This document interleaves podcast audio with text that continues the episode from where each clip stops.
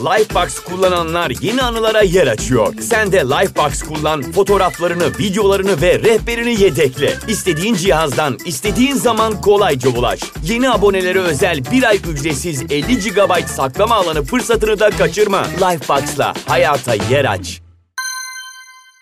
Üç tane balıkçı kayığı. Büyük okyanusun devasa dalgalarına rağmen kıyıya ulaşmaya çalışıyor. Gökyüzü karanlık ve kasvetli görünüyor. Büyük bir okyanusun ortasında kalmışlar. Dalgalar o kadar ürkütücü görünüyor ki Japonya'nın en yüksek dağı olan Fuji Dağı bile küçücük kalmış. Peki balıkçılar nasıl karaya ulaşacak? Hayatlarını kurtarabilecekler mi? Ben Pınar. Powder Kültür'ün bu bölümünde Hokusai'nin 1831 yılında resmettiği Kanagawa'daki büyük dalga eserinin hikayesini anlatacağım. Sen de bu muhteşem eseri keşfetmeye hazırsan başlayalım.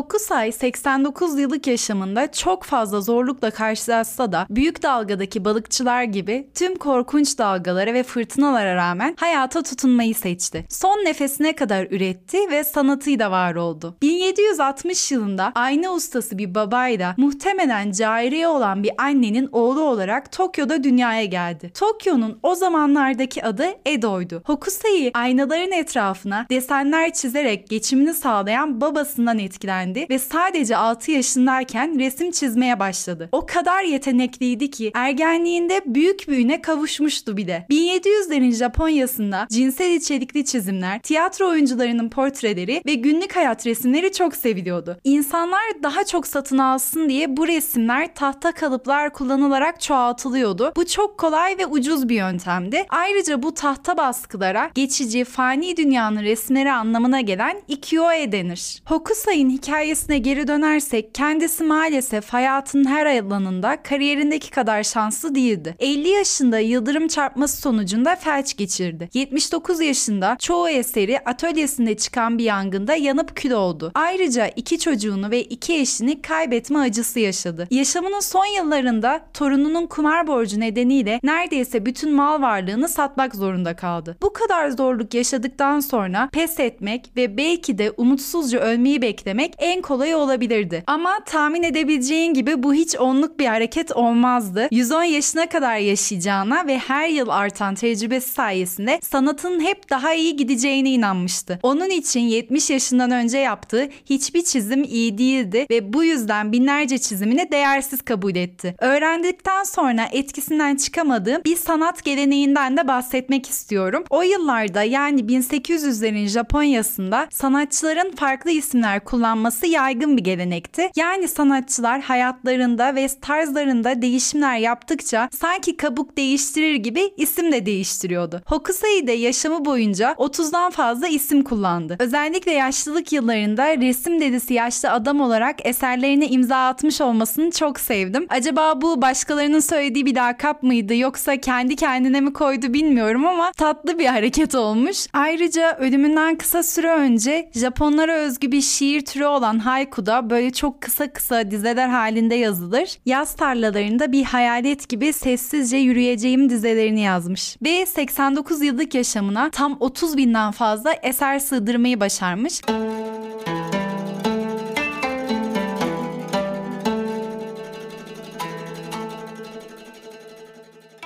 Ben de aynı yazdığı dizelerdeki gibi bu podcast'i kaydederken nedense onu çok huzurla, huşu içinde hayal ediyorum. Ama hemen şunu da etki, ekleyeyim. E, genelde böyle anlattıkça ve o Japon kültürünü düşündükçe huşu içinde tek başına ilham geldikçe çizim yaptığını hayal etmiş olabilirsiniz. Ama aslında bu tahta baskılar da tamamen bir ekip işi ve bu yüzden de çok fazla çalışanıyla birlikte bu eserleri ortaya çıkarmış. Zaten bu bölümün açıklamasına baktığınızda da bahsettiğim birçok konuyla ilgili görsellere ve videolara ulaşabilirsiniz. Hokusai büyük dalgaya başladığında ise 70 yaşındaydı. Bu baskı aslında 36 Fuji Dağı manzarası serisinin bir parçasıydı ve bu yanardağ onun en büyük takıntısı diyebilirim. Hem Japonya'nın milli dini olan Shinto'da hem de Budizm inanışında kutsal kabul edilen Fuji Dağı'nın ülkenin koruyucusu olduğuna da inanılır. Aydınlanmaya açılan yolu simgelediği için halkın her kesiminden insanlar her yıl bu dağa haç ziyaretinde bulunurmuş. Bu kadar Japonya'dan bahsetmişken bir şey itiraf etmek istiyorum. Neredeyse geçen aya kadar hiçbir şekilde Japon kültürüne meraklı değildim. Japonca bana biraz garip bir dil olarak gelir ve e, izlediğim tek anime Avatar ama ondan da çok sıkılıp birkaç bölüm sonra kapatmışımdır. Çocukken de pek sevmezdim.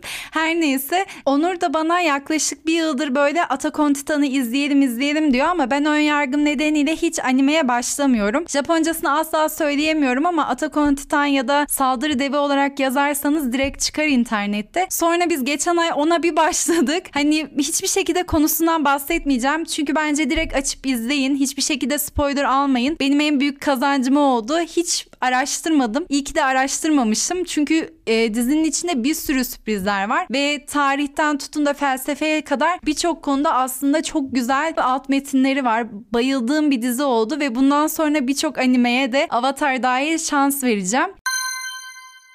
Lifebox kullananlar yeni anılara yer açıyor. Sen de Lifebox kullan, fotoğraflarını, videolarını ve rehberini yedekle. İstediğin cihazdan, istediğin zaman kolayca ulaş. Yeni abonelere özel bir ay ücretsiz 50 GB saklama alanı fırsatını da kaçırma. Lifebox'la hayata yer aç.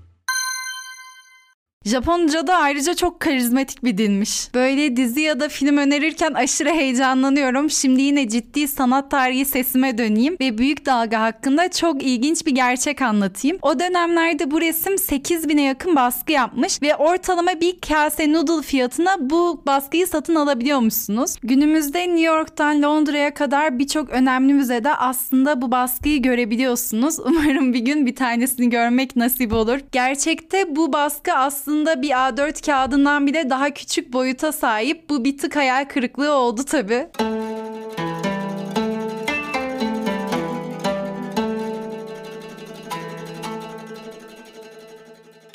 Eserimizin ilk olarak yapıldığı 1830'lu yıllarda Japonya dünyadan neredeyse tamamen soyutlanmış haldeydi. Kısa bir tarih bilgisi verirsem 1633 yılından itibaren Japonya Hollanda hariç tüm batılı ülkelere sınırlarını kapatmıştı. Batıya karşı öyle büyük bir nefret beslediler ki onlara ait ne varsa yasakladılar. Yabancıları sınır dışı ettiler, ülkeye giriş çıkışları yasakladılar ve ülkeden kaçmaya çalışanları da ölümle cezalandırdılar. Bu sürece Edo dönemi denir ve bu kapalı ülke politikası aslında çok da eski olmayan 1866 yılına kadar devam etti. Hatta Hokusai'nin Büyük Dalga eserinde Japonya'nın içinde bulunduğu siyasi belirsizliği resmetmiş olabileceğine dair araştırmalar da var. O yıllarda Japon halkı batılı devletlerin deniz yoluyla ülkelerini işgal etmesinden çok korkuyor. İşte kayıktaki balıkçılar da sağ çıkıp çıkmayacakları belli olmayan Japon halkı olabilir. Böyle bir eleştiri getirmiş olabilir tabii Hokusai ama ben nedense bu ihtimale pek inanmıyorum. Daha duygusal düşünüyorum. Biraz önce Hollanda hariç tüm batılı ülkelerin girişinin yasak olduğunu söylemiştim. Peki bu korku ortamında Hollanda'ya nasıl izin verdiler diye düşünmüş olabilirsiniz. Onu da hemen açıklayayım. Öncelikle Hollanda yüzyıllar boyunca deniz ticaretinde en gelişmiş ülkelerden biriydi. Ayrıca Japonlara diğer Avrupa ülkeleri gibi Hristiyanlık misyonerliği yapma tehlikeleri de yoktu. Tamamen maddiyat odaklıydılar. Bu yüzden Japon hükümeti de onları tehdit olarak görmüyordu ve yılda iki kez Hollanda ticaret gemilerine kendi sınırlarını açıyorlardı. Hokusai'da pek çok eserinde işlediği gibi Büyük Dalga'da da göz alıcı mavi tonlarını Hollandalı ticaret gemilerinin getirdiği Avrupa'da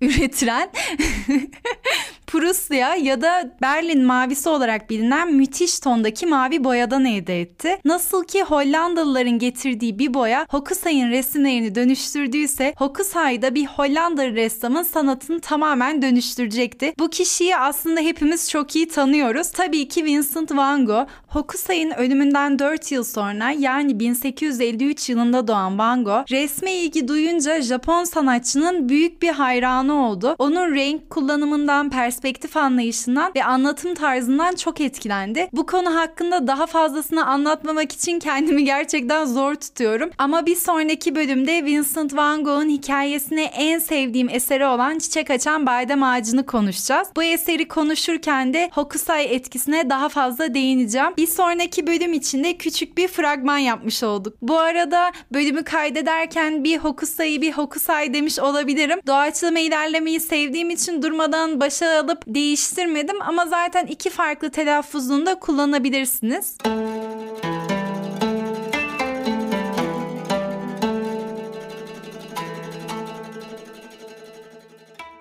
Dalgalarla mücadele eden balıkçılarımıza geri dönelim. Resmi yorumlamamız yaşımıza, fikirlerimize, ruh halimize, sanattaki ve farklı alanlardaki bilgi birikimimize göre farklılık gösterebilir. Bu çok normal. Açıklamadaki linkten resmi yakınlaştırıp siz de balıkçılarımıza bakıp düşünebilirsiniz bu arada. Açıkçası ben resimdeki balıkçıların hayatta kalması için kalan son güçleri ve son umutlarıyla kürek çekmeye devam ettiğine inanıyorum. Başlarını havaya kaldırıp dalgalardan korkmak yerine suya bakıp buradan nasıl kurtulabiliriz diye düşünüyor gibiler. Belki ufukta bir gemi onları görüp kurtaracak. Belki de aslında kıyıya çok yakınlar ve suya atladıklarında yüzerek evlerine yeniden ulaşabilecekler. Bu tabii ki belirsiz gerçek bir olay olmadığı için ama böyle inanmak da tamamen özgürüz. Her birimizin hikayesi ve mücadelesi farklı gibi dursa da aslında hepimiz benzer kayıklarda olan balıkçılar gibiyiz. En büyük dalgalar üstümüze gelirken bile sağ çıkma ihtimalimiz her zaman var. Bunu unutmayalım. Boşa kürek çektiğinizi düşündüğünüz bir anda, umudunuzu yitirdiğinizde ya da yolunuzu tamamen kaybettiğinizi düşündüğünüzde Hokusa'yı ve bu cesur balıkçıları hatırlayabilirsiniz. Paldır Kültür'ün yeni bölümünde görüşene kadar sanat ve tarih hakkında daha fazlasını öğrenmek istiyorsanız Instagram hesabım olan Pinar Civan'dan beni takip edebilirsiniz. Sanatın her zaman hayatınızı renklendirmesini diliyorum. Hoşçakalın.